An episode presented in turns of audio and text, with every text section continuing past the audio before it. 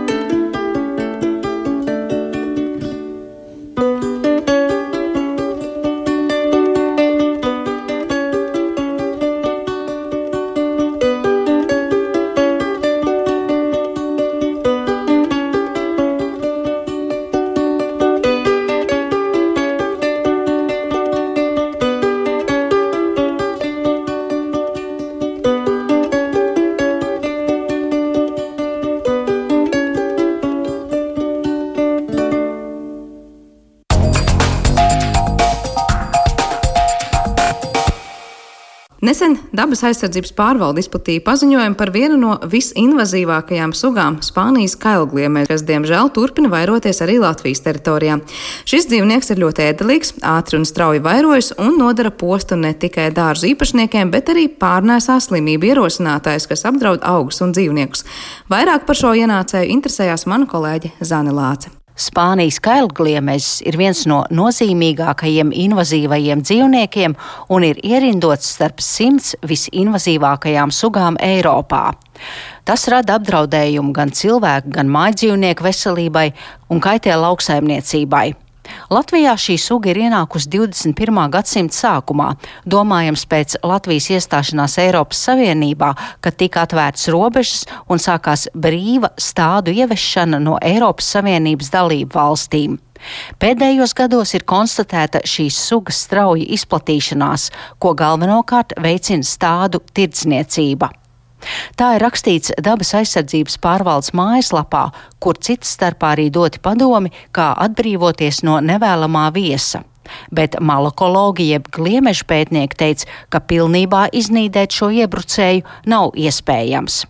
Lūk, jūsu uzmanībā ieraksts, kas tappa pirms pieciem gadiem, kad kopā ar dabas speciālistiem devos reidā pa Jelgavas mazdārziņu teritoriju. Skaitās, ka viņi ir augēdāji, bet tajā pašā laikā, ja tur, teiksim, kur viņš rāpo, būs kāda dzīvnieka līķis vai arī kāds samīts traumēts gliemežs beigts, tad viņi arī šos beigtos uh, dzīvniekus ēdīs. Nav tā, ka viņi ēd tikai augu lapiņas. Viņi var ēst arī visu citu, ko atrod. No Polijā, kur es esmu staigājis, tur mums nebūtu šitā jāmeklē. Viņus tur vienkārši ejot, tur rāpot, tur rāpot, tur rāpot. Tur. Ko dara poļi un vācieši? Kā viņi cīnās? Mušī to nost, bet tas kāda? viņa skaitu neietekmē. Kad mums Latvijā viņš vēl nebija, un es jautāju Vācijā kolēģiem, ko darīt, tad, ja viņi parādītos kādā vietā. Tam, kad cilvēks tā kārtīgi apdomāja visu, ko teikt, teica, nu, tādā gadījumā varētu pamēģināt pārbraukt tai vietai pāri ar buldozeru, visu nolīdzināt tur un pēc tam nobetonēt. Tad varbūt nebūs vairs. Tā 2015. gadā par Spānijas kalgliemezi stāstīja malakologs Edgars Drejers. Šo dzīvnieku dabiskā mājvieta ir vidusjūras reģions. Tie ir palieli, košas ķieģeļkrāsas radījumi, kas lepojas ar labu ēstgribu un lielu dzimstību. Pirmo reizi Latvijā tie tika konstatēti 2009. gadā Talsu novadā Pastendē. 2012. gadā tās jau bija divas vietas, bet nu to skaits un izplatība vieš nopietnas bažas speciālistos. Jau toreiz zooloģa Digna Pilāte, kuras specialitāte ir gliemeža pētniecība, runāja par šīs sugas straujo izplatību. Un arī tā pirmā vieta, pastende, kur pirmo reizi šī suga tika konstatēta 2008. gadā, nu, tur arī no tāda viena piemājas dārziņa, kaigliem mēs jau ir izplatījies ļoti plašā teritorijā. Nu, tā situācija nav patīkama. Būtībā, ja netiek tā gumija vilkta ļoti garumā, vēl ir iespējams kaut ko darīt, vismaz to skaitu ierobežot. Bet atkal ir tā lieta, ka ir jādara visiem kopā, jo ko līdzi, ja es kā sava dārza īpašnieks sāku ar šo kaigliem mezi cīnīties, burtiski var teikt, ja? jo tā situācija tāda ir, ka mani kaimiņi varbūt neko nedara. Nu, labi, es tieku ar viņu galā, varbūt man vairs viņš tik ļoti netraucē un nebojā to manu ražu, bet no kaimiņiem atkal nāk iekšā. Košais Spānijas mīkstmies savas dzīves laikā, tas ir vienā gadā, spēja radīt vidēji 300 pēcnācējus. Un, ja šobrīd gliemežu ordas apdraud mazdārziņu īpašniekus, labprāt mielojoties ar zemenēm un kartupeļiem, tad nākotnē tās varētu pāriet uz plašākām teritorijām, piemēram, kviešu un rapšu laukiem. Saistībā ar nesen izplatīto dabas aizsardzības pārvaldes brīdinājumu par šiem kailgliemežiem atkal piezvanīju Dignai Pilātei, lai uzzinātu, kāda šobrīd ir situācija ar šo invazīvo sugu ir, protams, reģioni, kur šī suga ir sastopama ļoti bieži. Tā ir pārsvarā zemgale. Tur ir, nu, būtībā var teikt, ka visa zemgale jau ir uh, pilna, bet tas nenozīmē, ka viņi ir visur. Nu, pārsvarā šobrīd viņi koncentrējās savācās dārzos, mazdārziņos, un tas ir viņu tas izplatīšanās tā vieta, tas avots. Un arī kurzemē pārsvarā gan tajā pie jūras daļā, tuvāk, bet, nu, principā var teikt arī kurzeme pamazām piepildās ar Spānijas kaiguliem mezi. Viss labākā situācija šobrīd ir Latgalē, tad var teikt, ka tajā virzienā tālākais punkts ir Jēkabils. Vidzemē vēl nosacīti tāda tīra teritorija, kur ir zināma vieta Madonā, bet, nu, protams, ja ņem ziemeļvidzemi, tad nu, līdz Valmierai. Šī suga jau ir tikusi, bet, nu, protams, tās koncentrēšanās vietas ir ap tādām lielākām pilsētām, Cēsis, Sigulda, tad pie jūrā arī Saukrasti, Carnikava. Nu, tie, tie ir tādas zināmās vietas, nu, visvairāk ir ap Pierīgu, protams, Rīga un Pierīga tur, kur visvairāk dārzu, varbūt arī cik cilvēks var atļauties tērēt līdzekļus savu dārzu labiekārtošanai. Iespējams, tas arī ir viens no faktoriem, kāpēc Latgalē šīs sugas nav. Un tālākos reģionos, bet tādās cilvēki dzīvo daudz maz turīgāk, tur šī suga ir arī kā piedeva klāta. Kas ir tie faktori, kas veicina šo kalgliemežu izplatīšanos? Veicina tomēr pats cilvēks šo izplatīšanos. Jo nu, klients pats par sevi jau nevar pārvietoties ļoti tālos attālumos. To viņam palīdz izdarīt cilvēks. Un tieši ar to, jā, kāpēc tagad pavasarī šis uzsaukums ir palaists tautās, lai apkarotu Spānijas kaigliem mezi. Vienkārši pavasaris cilvēki rosās pa dārziem, labprāt pērk jaunus stādus. Tādi ir tā, nu, var teikt, tas avots, ar ko tad arī cilvēks palīdz šim gliemezim pārvarēt lielos attālumus. Un tādā veidā izplata pats cilvēks, palīdz izplatīties šai sugai. Nu, vēl varbūt tās tādām vietām, kur viņa nav bijusi līdz šim. jāseko līdzi un ir pašiem jāuzmanās ar, ar stādu pirkšanu, stādu vešanu un stādīšanu savos dārzos, ja nu šī piedeva vēl līdz šim nav bijusi pašu īpašumā. Kā teica Digna Pilāte, tad vasaras sākumā ir visai grūti šo gliemezi pamanīt, jo tie vēl nav izauguši un prot ļoti labi paslēpties. Šobrīd viņus nevar tā tik vienkārši ieraudzīt, jo viņi vēl ir maziņi. Viņi olu stadijā gan laikam šobrīd vēl viņi nebūs. Viņi tomēr jau ir izšķīlušies un pārziemo pārsvarā jau tā kā nu, izšķīlušies mazi gliemezīši. Bet tā kā viņi spēja ielīst ļoti šaurās spraugās, viņus ir grūti pamanīt un ļoti labprāt viņi uzturās zem podiem nu, podu apakšā, palienot zem saknēm vai gar podu malām. Un pa dienu, protams, viņus ieraudzīt nevar, bet nu, vakarā vai, vai tad, kad ir pārāk liels mitrums, tad nu, viņi sāk līst ārā. Tad viņus var redzēt. Principā es pati un mani tuvākie līdzcilvēki cenšas nepirkt stādus ar podiem ļoti uzmanīgi. Ja gadās, ka kāds vai uzdāvina, vai tomēr ir jānopērk, tad, ko es pati daru, es uzreiz nelieku viņu dārzā to podu vai to stādu. Es viņu kādu nedēļu noturu mājās, sekoju līdzi, vai tur kaut kas lien ārā vai nelien ārā. Un dārzā lieku nokratot smiltis, nokratot augstu no saknēm, noskalojot, nu, pilnīgi tā, lai tas, kas ir dabūts iepērkot, lai, lai tā augsne nenonāk dārzā iesaku uzmanīties un iesaku šādā veidā rīkoties ar nopirktajiem stādiem. Laba ēstgriba un tikpat labas spējas arī vairoties ir šiem gliemežiem, jo tie spēja radīt pēcnācējus arī bez partnera. Tā problēma slēpjas, ka arī viens gliemezis var izveidot populāciju. Ir tā daba izveidojusi šādu atkāpšanās nu, stratēģiju, ka gliemezī var notikt pašapaugļošanās, un viņš izdēs neatkarīgi ne no kā, viņš izdēs olas. Un tādā veidā radot jaunu populāciju, līdz ar to, nu, tā kā ja redz, tad uzreiz ir jālikvidē šis kaigliemezis, vai cik tas varbūt skan nežēlīgi. Nu, ja ieviešās viņš, nu, ja redz, ka kāds pirmos četrus gadus, trīs gadus liksies, nu nav jau daudz, var jau piecies, bet tad ir pēkšņi tāds uzplaiksnījums, ka nu, cilvēki gan saķer galvu rokās, nu vairs nezin, ko darīt un kā no viņa tikt vaļā. Tā kā, kā redz, tā jālikvidē. Vislabāk viņi kļūs pamanāmi jūnija otrā puse jūlijas, augusts, tā kā jau viņi būs sasnieguši savus maksimālos izmērus.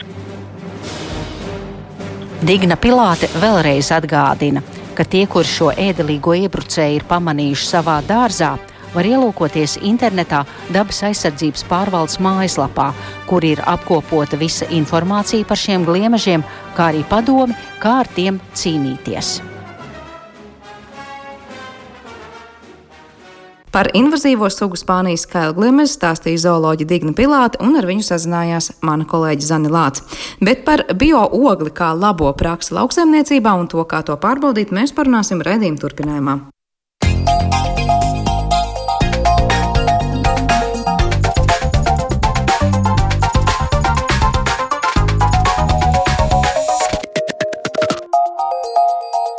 Zināmais nezināmajā.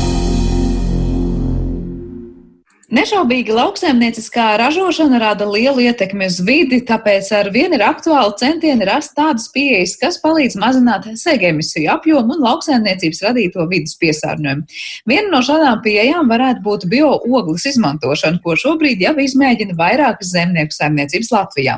Par to, kas tad īsti ir bio-ogle, kā tā var tikt izmantot un cik lielā mērā šī tehnoloģija var risināt vidas problēmas, tad nu arī mēs runāsim atlikušajā redzījuma sadaļā, jo esam sazinājušies sarunāties ar Latvijas dabas fonda ekspertu Jānu Reihmani un arī zemnieku saimniecības atvases saimnieku Andri Mangulu. Labdien jums abiem!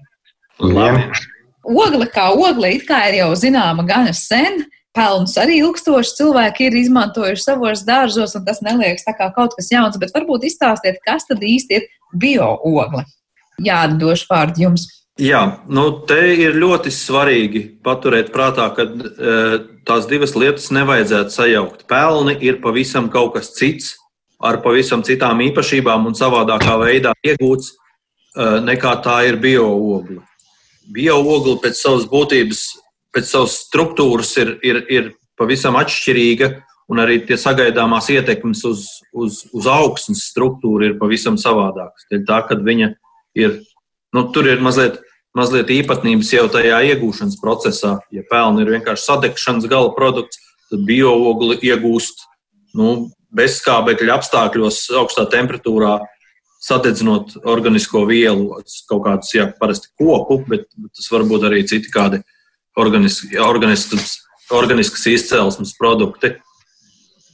Un tādā veidā veidojās, veidojās tāda ļoti poraina poraina ogli, kas sevī satur, nu, kas tā porainība ļauj, ļauj nu, izraist tās, tās struktūras uzlabošanos un ļauj, ļauj funkcionēt tajā augsnē kā tāds augsnes uzlabotājs. Kas notiek tādā te augsnē, to vienkārši iestrādā, vai kā tas process ir idejiski notiek? Pareizi būtu pirms iestrādāšanas to ogli apstrādāt ar nu, to procesu, ko dēvē inokulācija. Tas ir viņu piesūcina, pa cik viņa ir ļoti poraina un, un, un, un, un spēja uzņemt gan, gan dažādus mikroelementus, gan arī piesaistīt, piesaistīt nu, lielākas kādas molekulārās daļas. Tad svarīgi ir viņu piesūcināt. Viņu piesūcina parasti tas ir ar kāda veida mēslojumu. Tas var būt nu, vienalga kādas izcelsmes, vai tie būs kaut kādas nu, no dzīvnieku izcelsmes, kaut kāda kūtsmēsla vai, vai vienalga kāda veida mēsliem, bet piesūcināt, piesūcināt no sākuma un tad iestrādāt kopā jau ar šo mēslojumu. Jo tā ideja ir tāda, ka viena no bioogles īpašībām ir tāda, ka to, ko viņi ir piesūcināti, viņi lēnā, lēnām un ilgstošākā procesā atdod atkal augiem uzņemamā formā, atdod augstnē atpakaļ. Nu, Tā kā var teikt, ne tik daudz svarīgi ir pati ogle tajā augsnē, cik tas, ar ko tā ogle ir piesaucināta. Mm, nē, tas viens bez otra gluži tā nestrādā. Jūs varat vienkārši nomēslot un mēslot lauku katru gadu. Uh, un, un, un tās barības vielas, kas ir augiem, nu, tās augu barības vielas izskalojās. Lietojot to kopā ar ogli, tas efekts ir tāds, ka tas tik ātri neizskalojās, bet saglabājās un atdodās lēnākā procesā līdz no tās porainības viņš nāk lēnāk ārā. Andri, man jautājums, kas notiek jūsu saimniecībā šobrīd ar to ogli? Es saprotu, jūsu saimniecība ir viena projekta ietvaros tāda kā parauga saimniecība, kur tas notiek. Viņi no parauga mēs, jā, es arī piekritu šim izmēģinājumam, jo es biju tik tiešām strādājis pats eh, jau iepriekš, bet tā kā, kā jau Latvijas praktiskais pa vidu starp pelniem un koku ogli, tādu klasisku, jo, protams, tā tur varbūt tērēt naudu un nopirkt eh, nu, to bioogli, bet principā tā ir tā pati koku ogli, kas tā, nu, principiāli, ko mēs tā kā visi cilvēki labāk pazītu. Nu, tas ir, ko cilvēki izmanto grilējot. Eh, es tā, tas tā pamat ideja, bet es izmantoju tādu starpposmu, kad eh, dedzinot zarus, veidojas tāda kvēlojoša nu, kaudze, tāda ogļu, un tad viņas slāpē, jo tas tā tehnoloģiski daudz vienkāršāk nekā, nu, piemēram, tā to kokogli jāražo tik tiešām jau tādās rūpnieciskā veidā vai pasaulē. Permakultūras cilvēki zina, ka viņi tā kā liek spainī, piemēram, koka tur kaut kādas daļas riņķī, kur ir ugunskura un iegūst speciālu kokogli.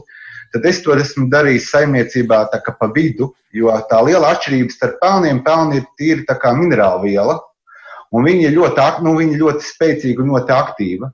Tad, tā kā es biju iepriekš lietojis šo šādu tādu pa vidu, šo starposmu, tad viņi var lietot daudz vairāk uz augsni.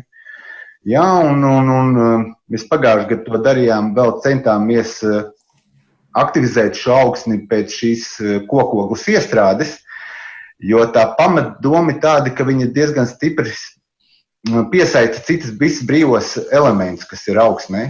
Un tajā brīdī, kad viņi lielākās devās iestrādā, var rasties eh, kā, brīvu elementu trūkums.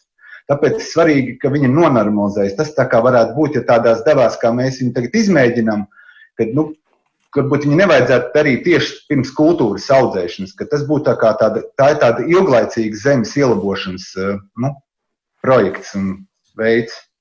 Kas ir tas, ko jūs audzējat? Saprotiet, ir dārzeņi vairāk, kur tas tiek lietots, vai tur ir no svara, kas pēc tam tajā? Jā, saimniecība ir um, kā, darbojas dārzkopībā, dārzkopībā bioloģiskā. Es jau desmit gadus nodarbojos ar bioloģisko dārziņu kopību. Man tas bija interesanti. Ir, es esmu profesionāls arī dārznieks, un, un kad tev jāpāriet.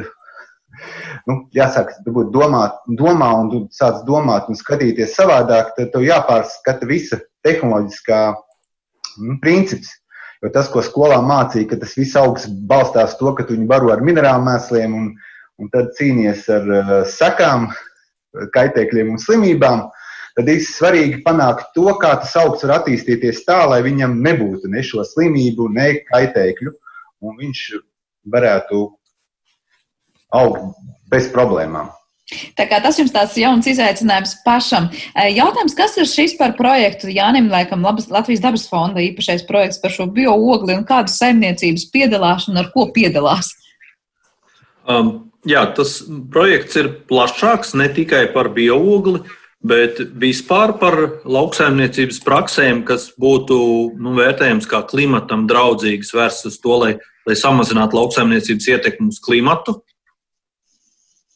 ne tikai varbūt mūsu, mūsu bioogles gadījums ir diezgan nu, maza mēroga, nav liela mums tie lauki, un viņš tāda eksperimentāls dabas vairāk, bet ir arī, bet arī citas metodas, kas būtu pielietojamas lielākās platībās jau šobrīd, un arī mūsu tā doma, tās izvēlētās metodas ir tādas, lai viņas arī vienlaikus būtu, nu, lai tas nebūtu par apgrūtinājumu lauksamniekiem. Mūsu mērķis ir atrast to un atrast to ceļu, lai tas būtu arī tā skaitā gan, gan labvēlīgi klimatam, gan arī draudzīgi lauksaimniekam. Nu, nemazināt viņa ražu vai pat, pat pretēji, lai palielinātu, palielinātu ražu un kaut kādā veidā nu, radīt tādus, tādus labus instrumentus, kas ir izdevīgi abām pusēm. Un projekts ir, ir, ir Eiropas komisijas LIFE programmas finansēts un, un, un, un mūsu pašu Latvijas, Latvijas valsts līdzfinansēts LIFE programmas projekts. Tātad saimniecības ir trīs, kuras darbojās ar bioogli.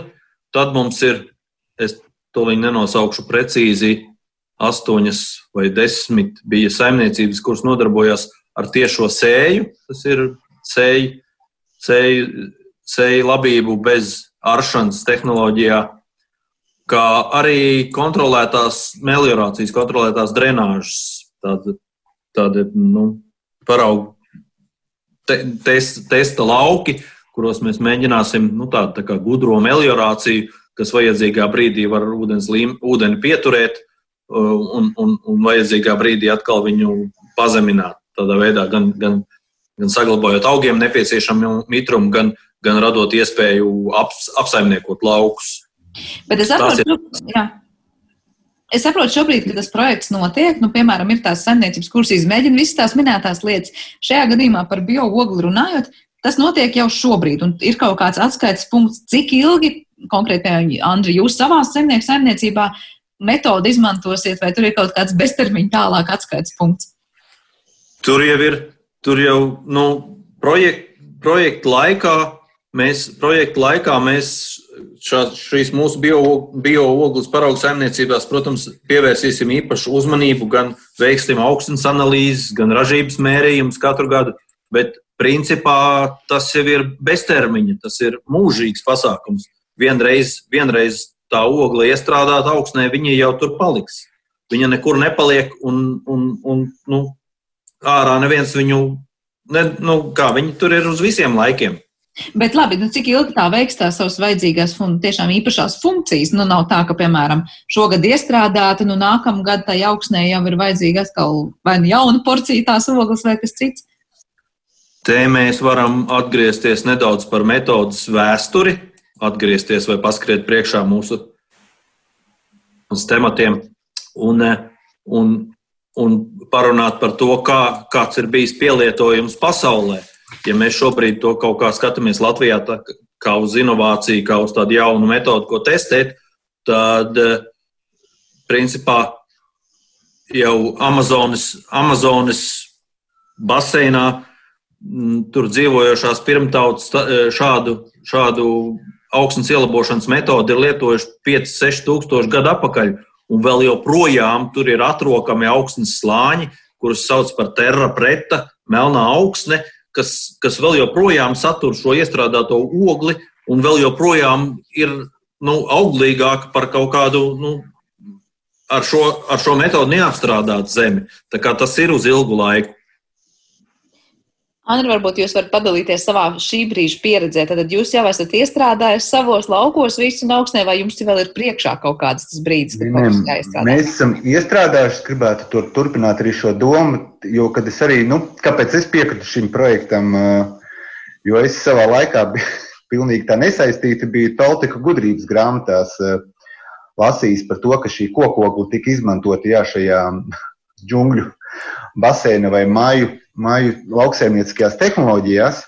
Tāpēc man bija ļoti interesanti viņu nu, kā, tiešām jau to taisīt kā eksperimenta veidā, jo tagad dotā brīdī ir četri izmēģinājumu lauki.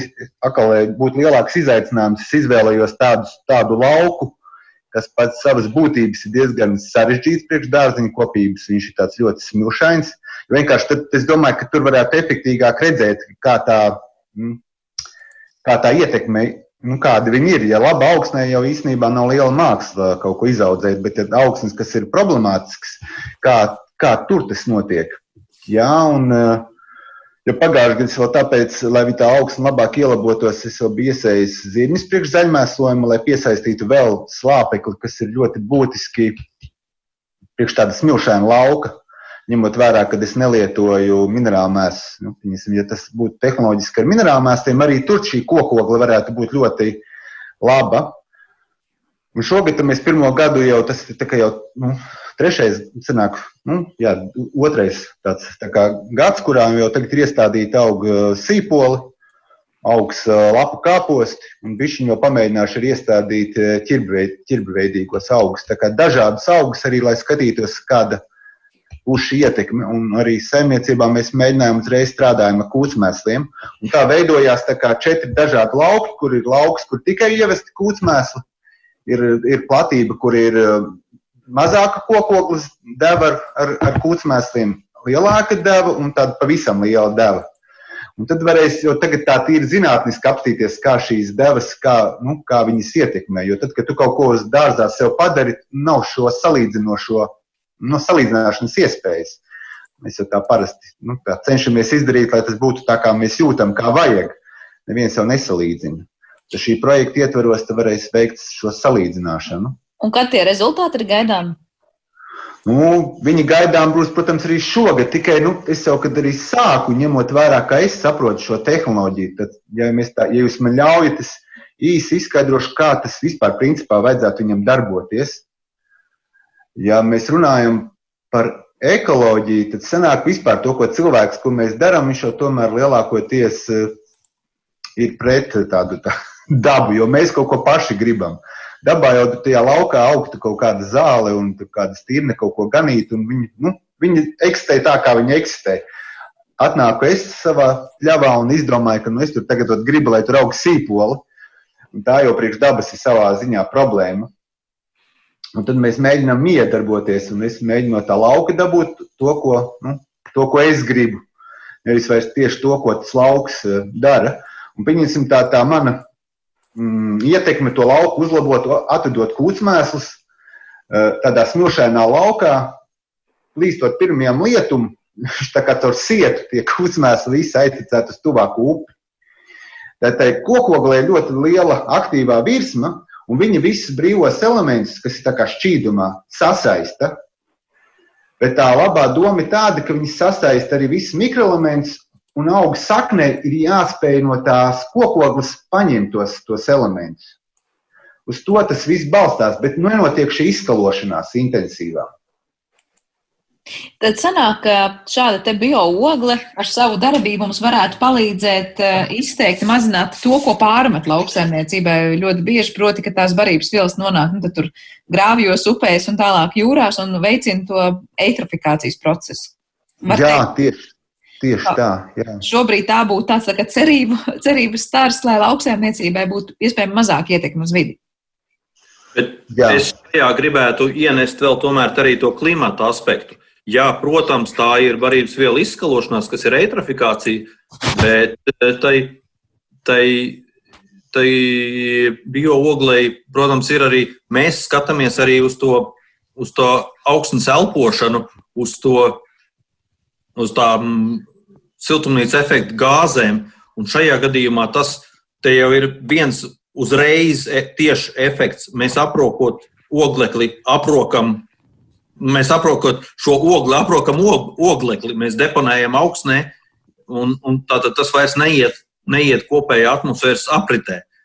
Un, un tāpat laikā ir arī vairākas um, nu, tādas sagaidāmās ietekmes, ko dod šī bioogla, ne tikai mazinot barības vielu noteci, bet arī tā ir gan, gan mitruma piesaisti, gan aerācija. Uh, es jau minēju to pakāpenisko barības vielu atdevi, Un arī līdz ar to, kā jau Andris minēja, to lielo aktīvo virsmu, tas ievērojami palielina arī augstnes mikroorganismu dzīves, nu, palielina to vidas ietilpību viņiem un līdz ar to arī, arī aktivitāti augstnē. Vai var teikt, ka izklausās kā tāda nu, lielā, labā, ilgi gaidītā recepte visām problēmām, kas mums saistās ar lauksaimniecības ietekmi uz vidi? Nu, kā jūs to komentējat? Vai tomēr ir kaut kāds nu, trūkums, ir kādi trūkumi šai metodei? Droši vien, ka būtu baigi muļķīgi mēģināt izdomāt, ka ir viena recepte, kas varētu atrisināt visas eh, pasaules problēmas.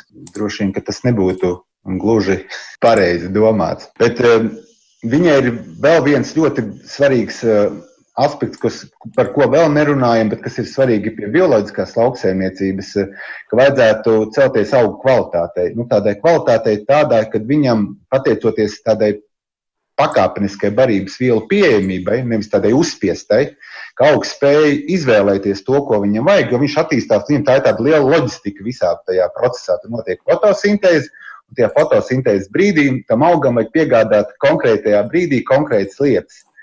Tad, kad nu, kā mēs kā lauksaimnieki kaut ko darām, mēs katru dienu nepiepilinām to vajadzīgo daudzumu. Tāpēc augs ir tādā nu, dabiskā. Tad tai kokoglē vajadzētu šo loģistiku tādu tā kā pataisīt eh, mm, vienmērīgāku un attiecīgi uzlaboties kvalitātei, ka ne, nerastos ne slimību, ne kaitēkļu bojājumi. Tā būtu, šī būtu vēl viena labā lieta, bet nu, tā pateikt, ka Jo jāsaprot arī, protams, ka tā kokogla kā tāda, ka tas tie nav minerāli mēsli, ar kuriem jūs tā kā augus pabarojat. Tā ir viena no, no lietām, kas, kas ļauj tam augam eksistēt, nu, tā kā labāk. Vienā pašā kokoglē katrā ziņā tas augs neaugs. Nu, jā, tas nav, tas, tas to nevar teikt kā tādu, ka tā ir lieta, kas visu atrisinās, bet, bet zināmas lietas, zināmas lietas mēs tur skatāmies cerīgi. Jā, tas varētu būt gan uz kopējo augsnes struktūras uzlabošanu, un, un, un jā, šā, tātad, šādu lēdz, lēdz līdzsvarotu, līdzsvarotu augu barošanos, kas, un, un arī mitrumu piesaistu un aerāciju augsnē, un, un tāpat laikā arī šīs, šīs lietas, kas ir saistītas ar gāzu apmaiņu, ar klimatu ietekmi. Nu, tur mēs redzam, tur mēs redzam, to mēs gribam savā saimniecībās arī šo gadu laikā izmērīt, paskatīties, kā tas strādā, un, un ceram, ka nu, šajā virzienā tas tomēr ir līdzeklis, nu, kas var dot kādu ieguldījumu nu, tā skaitā arī klimata jautājumos, gan vidas jautājumos. Bet kā uz to raugās, varbūt nu, plašākā kontekstā, varbūt citās valstīs vai vidas organizācijas, e, tā ir tāda praksa, uz kuru šobrīd liek lielas cerības un mēģina tā kā, nu, nezinu, aicināt zemniekus to vairāk izma izmantot, vai tā vēl ir tāda testēšanas stadija? Es teiktu, tā nav testēšanas, bet tā ir tāda, nu, tā kā nišas produkts, ne produkts. Jā, ir, ir cilvēki, kas tam ir pievērsušies, ir, ir veselas zinātnieku grupas, kas ar to strādā un pēta un analizē, un ir, ir vesela sērija nu, zinātniskā periodikā uh, regulāri raksta par šo. Ir lauksaimnieki, praktiķi, kas tiešām pie tā pieturās un to dara, bet nu, tādā lielā industriālā līmenī tas, protams, nav. Tas ir kaut kā nu, vairāk, vairāk tādu nu, jā, nišas, nišas izpildījumā. Vēl mazliet par to, ko šī metode prasa pašiem zemniekiem. Nu, vai tas ir kaut kas, ar ko jārēķinās? Es nezinu, tur dārgi, lēti šajā kontekstā, vai ir risks tomēr kaut kādā brīdī, ka ir augsnes, kas ir vairāk vai mazāk piemērotas šai metodei un iespēja tur sagaidīt netik labu ražu, nu, vai ir kaut kas tāds, par ko īpaši jāpiedomā? Es domāju, protams, ka viņa, nu, tā kā jebkura lieta, kas ir tāda pamata ielabošanai, viņa protams, rada tādas sākotnējās investīcijas, viņas var būt pietiekoši lielas. Sevišķi pie tā mm, dabas, kur mēs visvairāk izmēģinājām. Nu, tur sanāk diezgan daudz kokogla vajag. Bet mēs domājam, ka skatoties arī šajā eksperimentā, vai tā kā nu, laikā, tad arī varēs saprast, cik apmēram tā kokogla būtu vajadzīga. Un, nu, pateicoties tam, ka tas notiek vairākās saimniecībās, tad varēs arī bišķiņi skatīties, kā nu, tās augsnes nav vienādas. Un kāda būs šī ietekme. Es domāju, ka dažādās augsnēs viņu arī tās ogles daudzums varētu atšķirties nepieciešamais. Tā kā skaidrs, ka pie tā varēs vēl diezgan ilgi strādāt un par to domāt, jo lauksaimniecība tas tā ļoti būtu forši, ja varētu no kaut kādas vienas sezonas, piemēram, taisīt secinājumus. Jo tur tik tiešām to ietekmes eh, jautājumu ir tik daudz, kad, eh, kad nevar pateicoties kaut kādam vienam gadam, iegūsim ļoti labu ražu, un tad uzreiz domāt, ka tas, nu, jā, ka tas, ir, ka tas visu atrisina.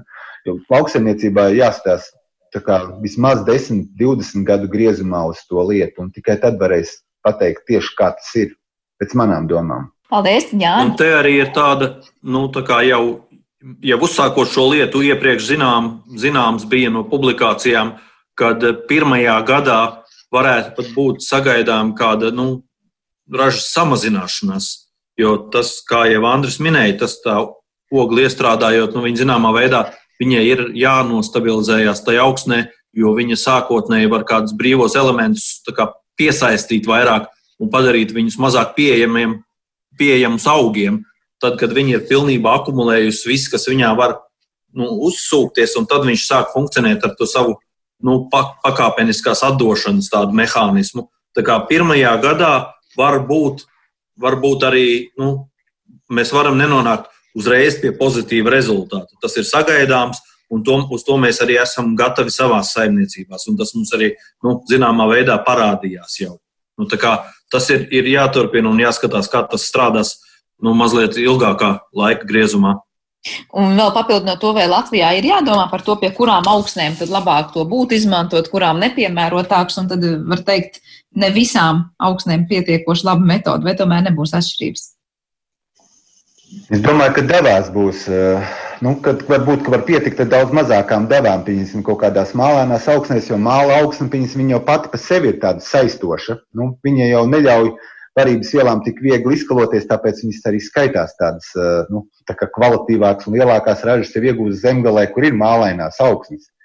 Jo viņas jau pašas par sevi, nu, māls arī ļoti līdzīgi darbojās. Viņam arī ļoti liela virsma, salīdzinājumā ar kaut kādu smilšu augsni, kas ir eh, nu, vidzemē vai nu, tur jau tās lielākās atšķirības ir. Jo no nu, smilts augsnē jau viņi pat par sevi ātrāk barības vielas skalojas projām. Māla augsnē nu, šie procesi ir lēnāki.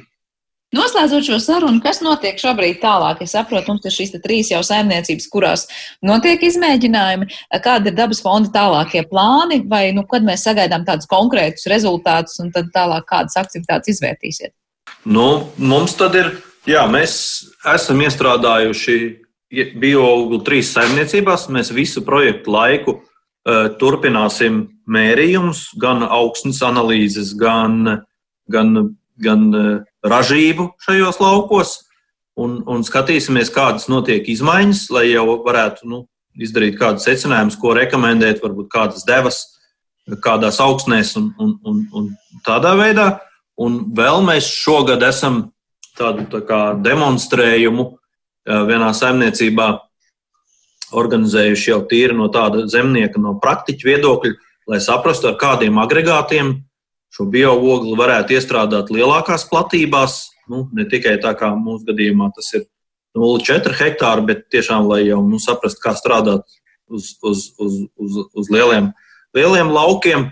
Kā, nu, jā, mēs skatāmies divos veidos, gan praktisko pielietojumu, gan arī nu, kāda ir, kādas ir tās ietekmes. Gan mēs no augstnes analīzēm redzēsim, kādas ir ietekmes uz, uz klimatu, ko mēs spējam mazināt un uzlabot un padarīt klimatam draudzīgāku ar šādu biogogli. Un mēs redzēsim arī, kā tas zemniekam ietekmē ražu, vai viņam samazinās nu, mēsl, nepieciešamība pēc mēslojuma, palielinās raža. Nu, visas tādas lietas, kas arī nu, tīri saimniecības ekonomikā ir svarīgi, jo mēs ar savu eksperimentu noteikti negribam to, to saimniekošanu. Nu, mēs, mēs gribam, lai viņi paliek arī zemniekam vēl joprojām interesanta un, un, un, un izdevīga. Arī kļūstot draudzīgākam klimatam.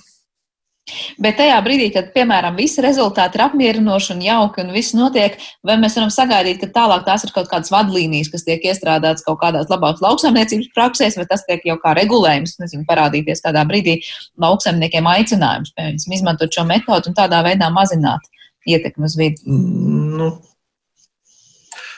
Te ir jāsaka tā, nu, par, par, par bioogli mēs esam zināmā tādā eksperimenta sākumā un vēl gaidām tos savus rezultātus.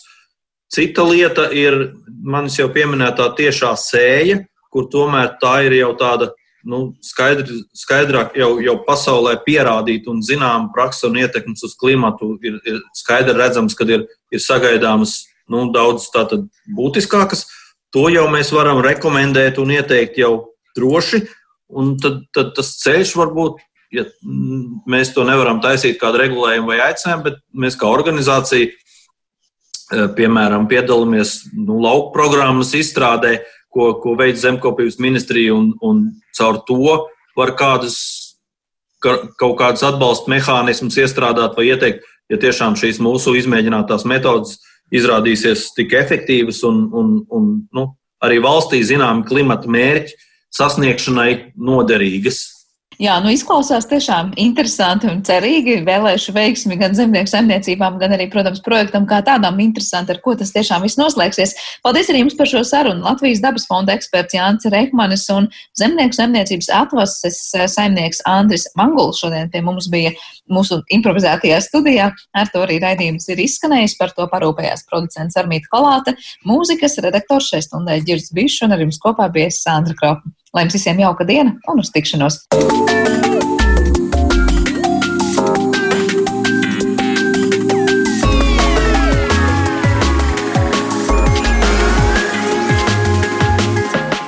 Zināmais nezināmajā.